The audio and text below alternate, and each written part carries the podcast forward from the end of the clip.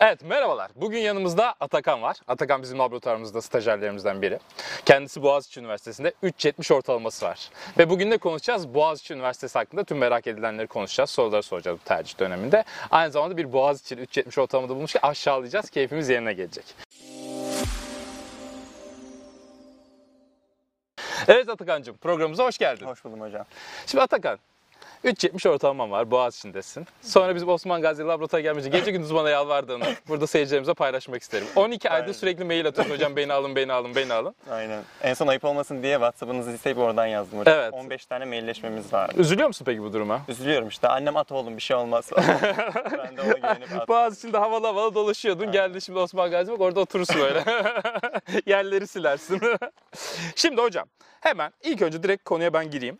Bu bir Boğaziçi üniversitelerinde bir şey oluyor mu sence? Bir ukalalık. Hani bir biz Boğaziçi Üniversiteliliyiz. Hani böyle mezun olduktan sonra da ne okudun dediğinde hemen böyle işletme falan değil. Bu arada psikoloji okuyor. Psikoloji değil ama Boğaziçi psikoloji deme isteğin oluyor mu içinde? Hocam ilk kazandığımda okula gitmeden önce oluyordu. Hani konuyu nereye getirsem de Boğaziçi'yle olsun. Ama üniversiteye girdikten sonra şey çok normaliniz oluyor. Yani herkes Ama herkese de mezun olduktan sonra sence bu tavrın olacak mı? Yani ben böyle bir tavrım olmaz diye düşünüyorum. Evet hocam. Boğaziçi'nde genel olarak moda bu mu hocam? Değil hocam. Ben bugün ünlü olacağım diye. Özel, özel mi giydin? Güzel. Bunu olma ama. Normalde düz tişört giyiyorum. Peki Boğaziçi'nde memnun olmadığın ne var? Hocam bu zor bir soru. Ben çünkü genel olarak oranın ortalamasına göre de bence Boğaziçi'nden memnun bir öğrenciyim. Genel memnuniyete göre de ben bence daha fazla memnunum Boğaziçi'nden ama benim yani tek sıkıntım öğrenci işleriyle olmuş şimdiye kadar. Çok yavaş bir süreç vardı. Öğrenciyi yıpratan bir süreç vardı. Yatay geçiş yaptım ben politikadan psikolojiye geçtim. Aa sen başka bölümdeydin. Aynen birinci dönem başka bir bölümdeydim. Politikadaydım. Tamam. Psikolojiye geçtim. O süreç benim için bayağı zorlu ve stresliydi ama o da tam Covid'e denk gelmişti. O yüzden öğrenci işlerinin genel işleyişi mi bu yoksa Covid'den dolayı hızlı adapte olamadılar ondan dolayı mı böyle ya da alternatifinde hangi üniversitelerde öğrenci işleri iyi ve hızlı çalışıyor ki? Yani o yüzden diğer üniversitelere kıyasla o, o, da- o da kötü mü emin değilim. Ama benim en büyük sıkıntım oydu şimdiye kadar Boğaziçi'ne girdikten sonra. Eğitimle ilgili, hocalarla ilgili. Peki o zaman abi bize memnun olduklarını anlat. Hocam şimdi genel olarak şu an bir şey algısı var işte artık Boğaziçi'de hoca kalmadı. Evet. Ben benim bölümümde hiç böyle yaşa böyle bir şey düşünmedim yani hiç yaşamadım da böyle bir şey. Benim bölümümdeki hocaların hepsi gerçekten e, çok iyi okullardan mezun olmuşlar. Bize karşı çok ilgililer. Yani derste şeyi çok hissediyorum. O çok önemli bence. Gerçekten beni dinliyorlar yani. Hmm. Eğer şu an hani zor bir süreçten geçiyorum hocam. Şurada falan yardımcı olabilir misiniz desem hepsi gelip dahil oluyor. Yani sizi insan yerine koyuyorlar gerçekten muhatap olurken. Bu çok güzel bir özellik birçok üniversitede Bence bu çok maalesef yok. küçük bir şey gibi gözüküyor ama bence bu çok hem insanı değerli hissettiriyor hem sizin tavrınızı hocaya ve derse karşı değiştiriyor. Bence çok değerli bir şey yani bu. Ee, kaç kişinin kontenjan ki bu arada? 100 kişi olması lazım. Ha 100 kişiyle iyi ilgilenebiliyorlar o zaman. Hakikaten bu değerli bir şey. Çok değerli bir şey hakikaten. Birçok Bence de. devlet üniversitesi maalesef yok. Birçok hocamız kapıyı kilitliyor. Hiç öğrenci suratına bile bakmıyor. Maillere falan cevap vermek gibi şeyler bile Ya gerçekleşmiyor. bir derdim olsa herhangi bir hocayı seçip internetten hemen yazabileceğimde cevap alabileceğime eminim yani. Peki şunu hissettim ya. Boğaziçi'ni değil de Koç'u yazsaydım. Bunu yurtta kalırken hissettim. Yani devlet yurdunda mı kalıyorsun Boğaziçi'nin yoksa İlk- kendi? Şu an evde kalıyorum da Hı hı. ilk başta hazırlıkta işte yurtta kalıyordum. Ya orada şartlar biraz kötüydü. hı. Yani bir de şey tam böyle yükselmişsin işte Boğaziçi'ne gireceğim falan filan diye. Sonra geliyorsunuz böyle küçücük bir odada dört kişi Ya falan. ne oldu? O Ya da- havalar yine bir. Boğaziçi'li havaları. Aynen ya da işte kaç kişi var e, yurtta sadece 5 tane çamaşır makinesi var. İşte gidiyorsunuz bakıyorsunuz makineler dolu tekrar çıkıyorsunuz falan böyle şey bir süreçti.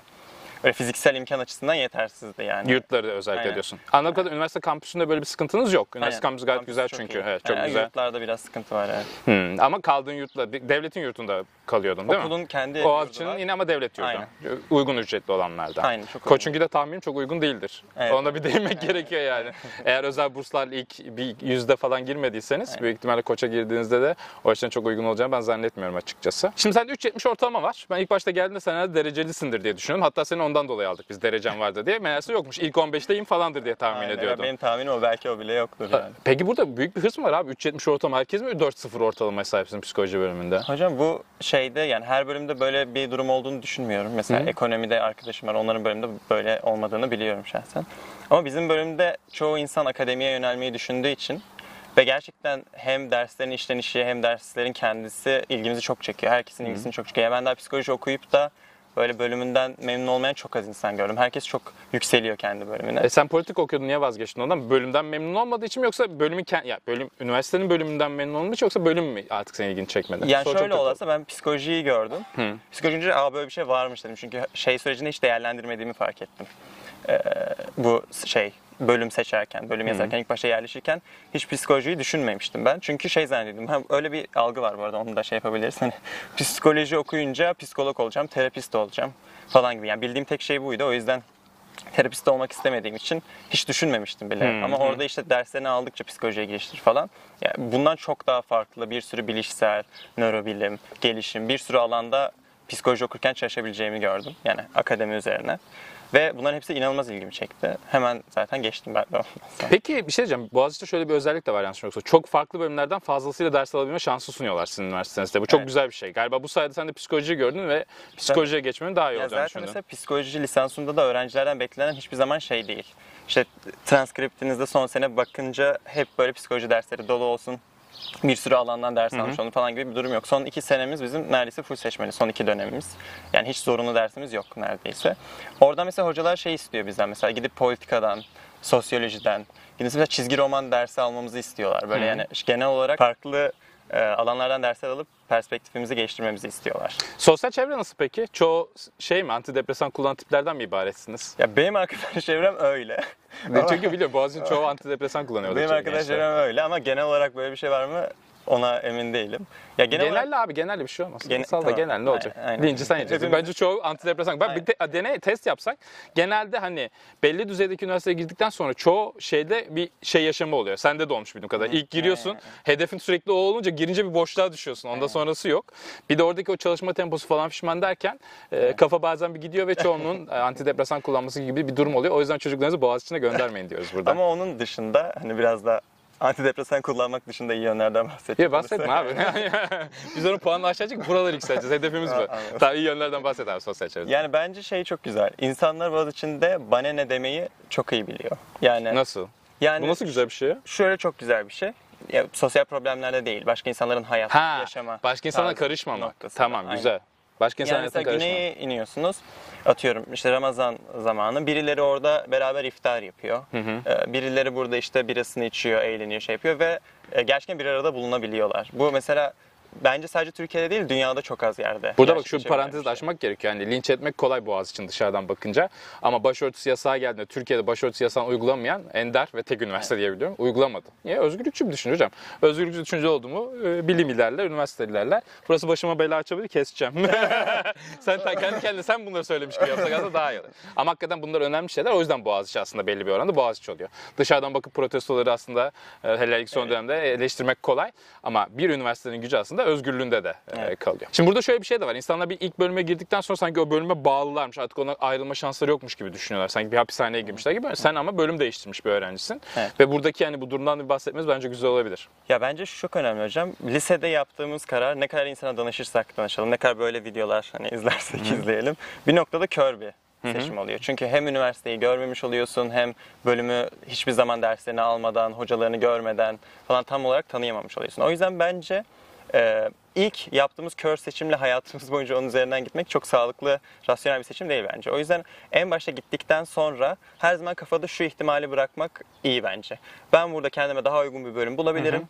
Ben bunun sonucunda da bölümümü değiştirebilirim. Hani insanlar bazen hani dönem uzar mı ya da şey olur mu falan diye böyle endişeler oluyor. Bence bu endişeler e, kör bir seçim yapıp buna yönelik bir hayat yaşamaktan çok daha küçük Bir risk diyorsun. risk. O yüzden Zaten çok güzel bir laf var. Hayatın ilk 30 yılında risk almamak aptallıktır. Evet. Hakikaten o dönemlerde risk alınacak sanacak.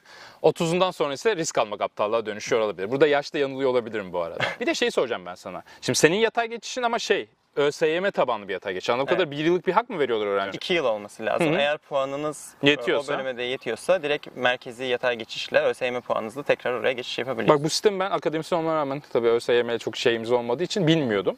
Ee, iki yıl boyunca hani puanın yettiği müddetçe o bölümden o bölüme geçiş yapabiliyorsun. Yani contingent oluyor tabii. Mesela 15 kişilik kontenjan açılıyor diyelim yatay geçiş için. Ve diyelim ki 20 kişi başvurdu her bölümden. O zaman da ÖSYM puanına göre sıralanıyor.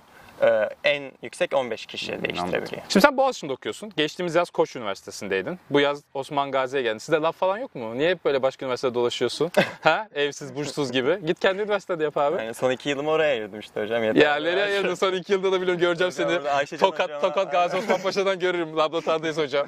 Yok mu oğlum Hocam benim- üniversitede labınız benim babanız? temelde buraya hani gelmenin önemlerinden en büyüğü buradaki cihaz zenginliği bizim okulumuzda yok. Yok. Bizim okulumuzda. Hemen burada reklamımız yok. Bildam'daki cihaz zenginliği şu anda dünyadaki çok az laboratuvarda var. Türkiye'de zaten yok.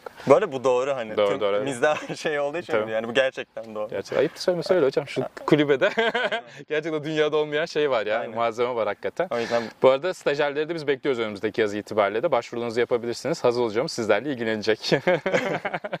Kendisi de burada. Hocam çok teşekkür ediyorum. Ben teşekkür Bu arada sorularınızı sorabilirsiniz. Aklınıza gelen soruları. Daha sonraki şeylerde tekrar bir video çekebiliriz. Önümüzdeki 30 gün burada 30 gün boyunca hocamız burada. Köle gibi kullanabiliriz. İstediğimiz gibi kullanabiliyoruz. ya 30 gün hala yine de bireysel soru sormak istiyorlarsa da Tabii. şuradan böyle bir şey yapabiliyor muyuz? Yaparsın da bizim yönetmen çıkartmaz yani. Yönetmenimiz öyle özellikleri yok. tamam. iyi. Şuradan hiçbir şey çıkmayacak. Aşağıya ben ama neyini koyacağız? Ee, mail koyunca insanlar genelde yazmıyor, uğraşmıyorlar Tamam. falan. Ne? Instagram koyabiliriz. Tamam o, hadi bakalım. Instagram'dan da DM'de atabilirsiniz. Instagram adresini de hocamızın aşağı koyacağız.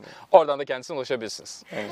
O zaman sonraki videoda görüşmek üzere demeden önce diyoruz ki aşağıda bizim diğer sosyal medya hesaplarımız da yer alıyor. Aynı zamanda gelirlerimizi de her ay sizlerin belirlemiş olduğu hayır kurumlarına bağışlamaya çalışıyoruz. Dolayısıyla kanalımıza abone olursanız ve beğen butonuna basarsanız bir de üzerine yıldıza basarsanız, yıldız değil ya zile basarsanız hem gelecek videodan haberdar olabilirsiniz hem de kanalımızın bu hayır miktarını büyütme noktasında bize katkı sunabilirsiniz.